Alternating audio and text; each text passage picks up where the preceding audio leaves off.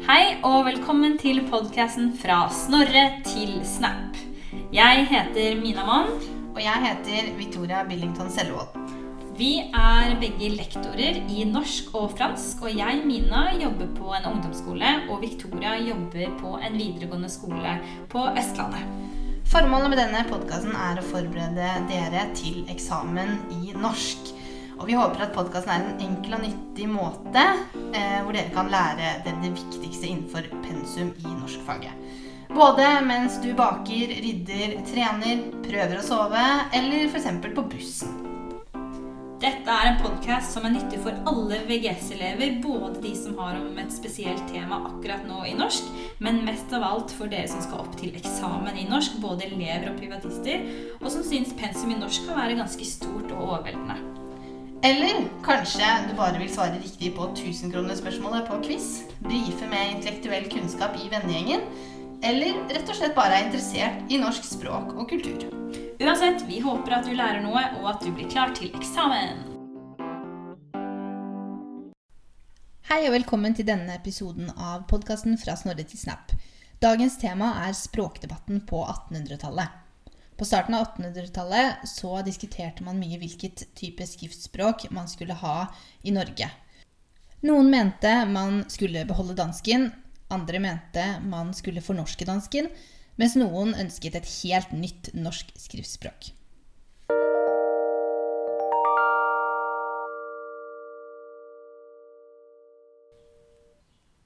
For å forstå hvorfor det ble en så heftig og steil språkdebatt på 1800-tallet, så må vi også forstå at språket vi snakker og skriver, handler om så mye mer enn bare språk.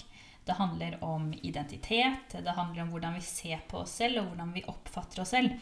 Og det handler selvfølgelig også om makt, verdier og ikke minst følelser.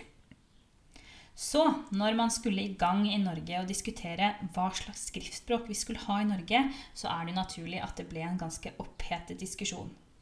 Men la oss se på eh, bakgrunnen for den diskusjonen.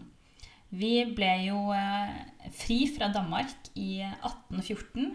Da var det unionsoppløsning. Endelig var vi fri fra Danmark. Eh, men hva med språket vårt?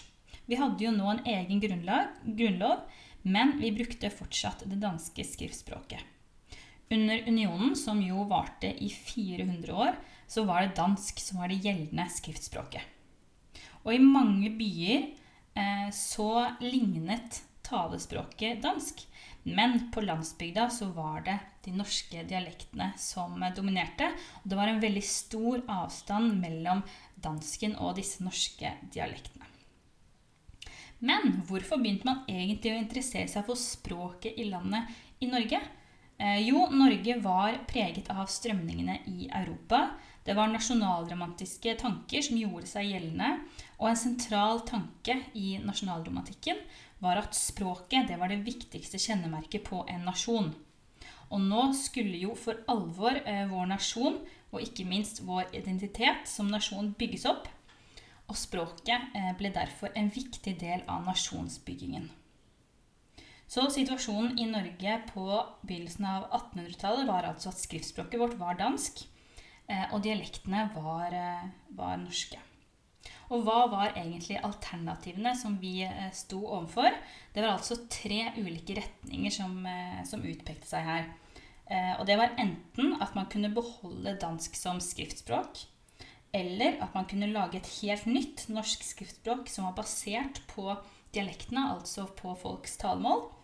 Eller så kunne man finne en mellomting mellom det danske og eh, folkemålet. Og det var særlig fra eh, 1830-tallet at debatten begynte for fullt. Da skal vi se litt på den ene retningen, altså dette med at man skulle beholde det danske skriftspråket. Hvem var det som ønsket det? Eh, jo, det var først og fremst eh, eliten i Norge. Det var embetsmenn som skrev dansk, og som ville fortsette med det. Og de var jo eh, i mindretall. Men det var altså noen som ønsket å videreføre dansken. Dikteren Welhaven var en av de som støttet dette synet. Og man mente altså at det ville være praktisk og veldig fornuftig å fortsette med det danske skriftspråket. Så dansk ble jo faktisk brukt eh, overalt i den norske offentligheten, og bøker og aviser var skrevet på dansk. Så var det altså mange som ønsket å videreføre dette. Men det var jo altså et mindretall som ønsket å beholde dansken, og det ble egentlig ikke noe av. Så har vi disse som ønsket å fornorske dansken, den andre siden. Eh, og de mente jo at det var konservativt å skulle beholde det danske skriftspråket. De mente at man skulle ta utgangspunktet i dansk, men at man skulle gjøre det mer norsk ved f.eks. å sette inn typiske eh, norske ord. Det danske skriftspråket burde få utvikle seg videre til å ligne mer eh, det norske folkemålet. F.eks. kunne man innføre ordet foss istedenfor vannfall, som var dansk. Det var flere kjente eh, personligheter i Norge som støttet dette synet. Eh, Wergeland annet, han var jo en av de eh, tidlige til å bruke norske ord og uttrykk i tekstene sine. Asbjørnsen og Moe også. De hadde mange innslag fra norske talemål i sitt verk 'Norske folkeeventyr' fra 1841.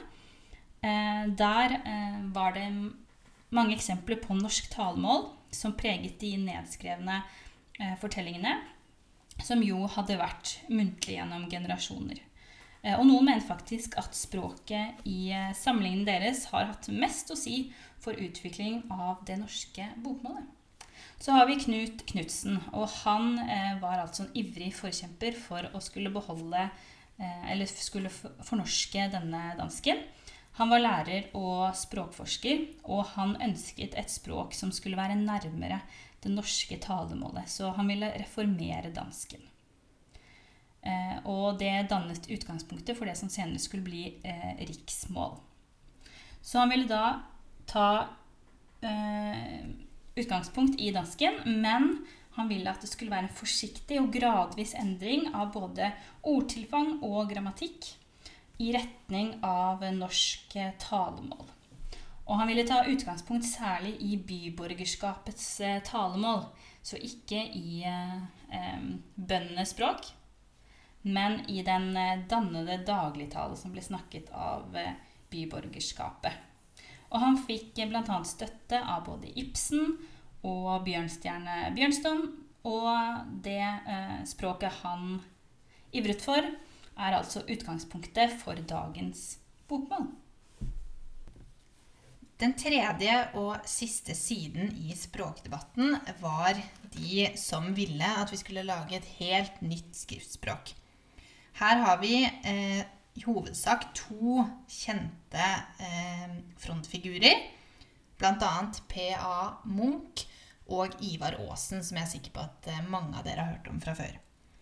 Men vi skal begynne med P.A. Munch. Han var en norsk eh, historiker født i 1810.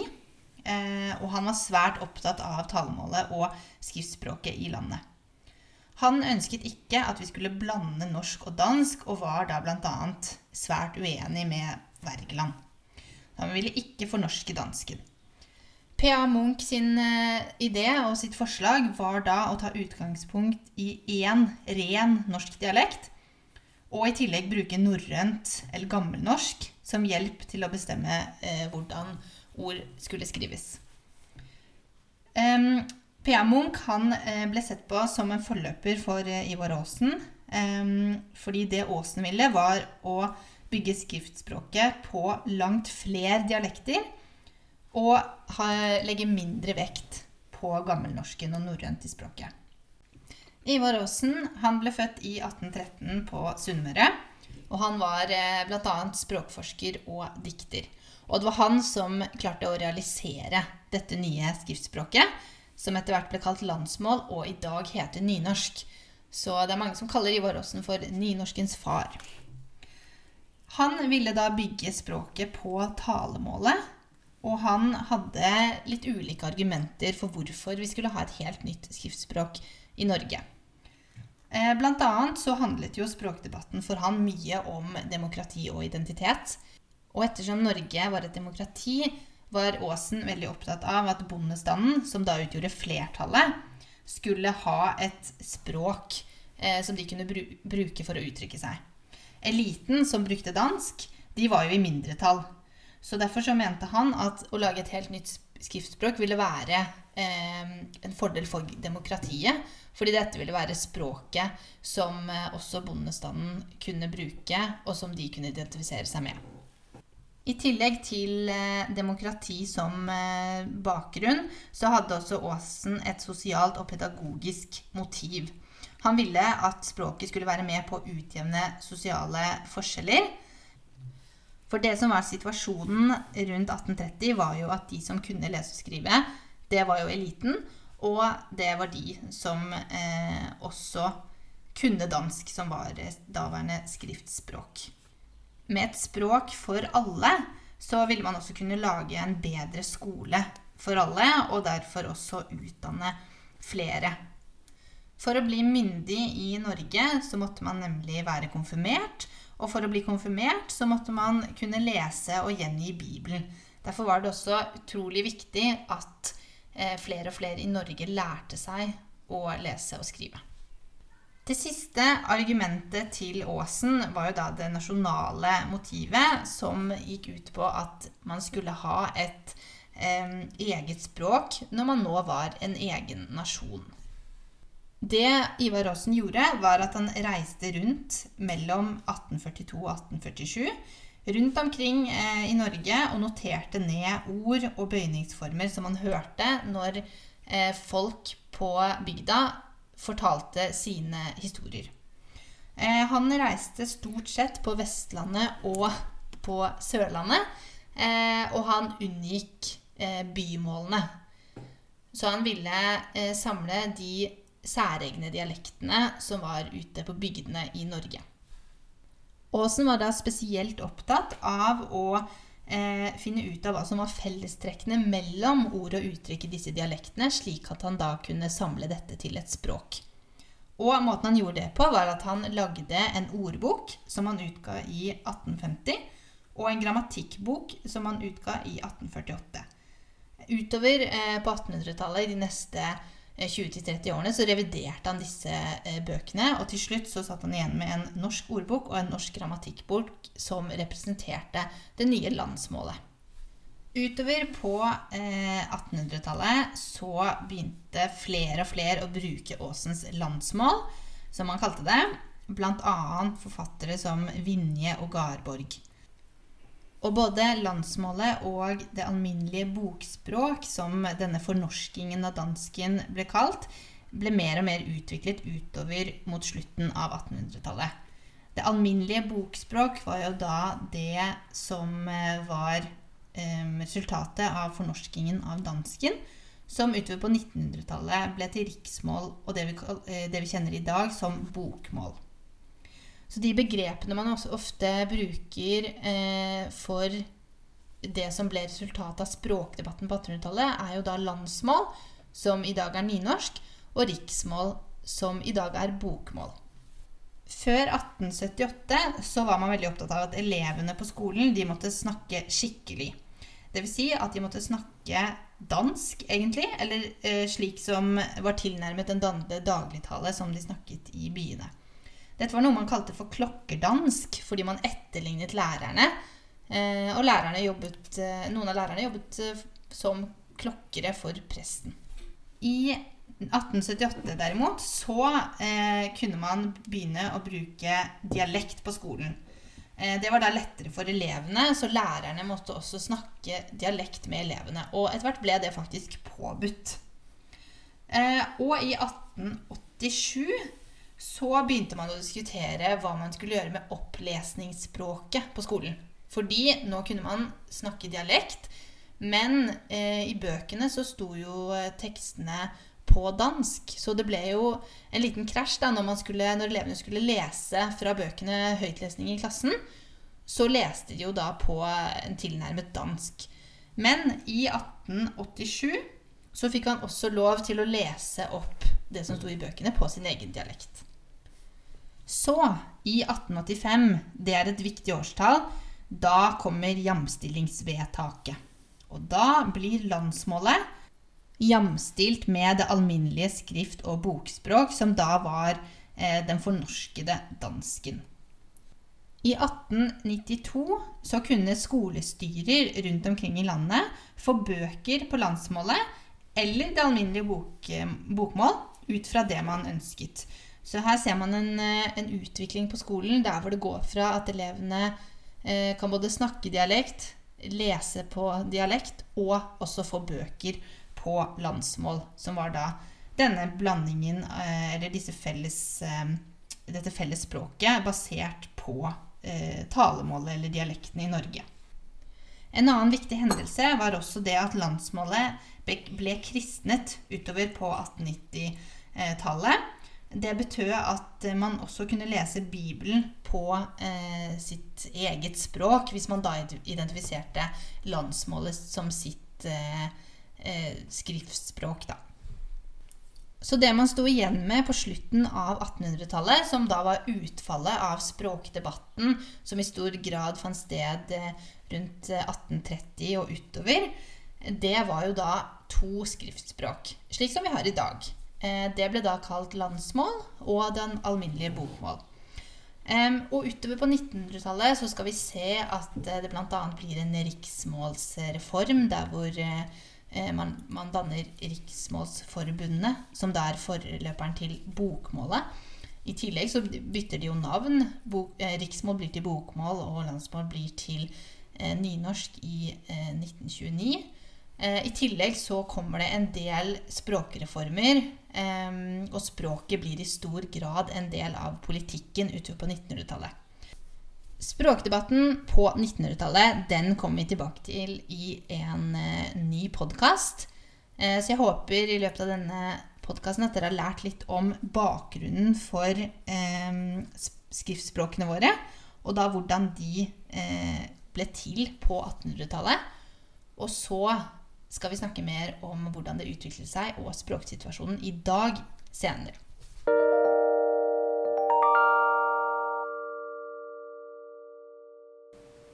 For å lage denne podkasten så har vi brukt eh, noen kilder som dere også kan oppsøke om dere ønsker å lære mer om de temaene som vi tar opp. Vi har brukt flere nettsteder. Eh, vi har brukt NDLA. Vi har brukt Store norske leksikon, SNL. Vi har brukt eh, nettsidene til Intertekst. Og vi har brukt et nettsted som heter eh, Lokus, og da først og fremst nettsidene til eh, læreboka Fabel. Når det gjelder bøker, så har vi brukt eh, Grip som er et læreverk for videregående skole. Og vi har også brukt Kontekst, tekster 1, eh, en lærebok for ungdomstrinnet.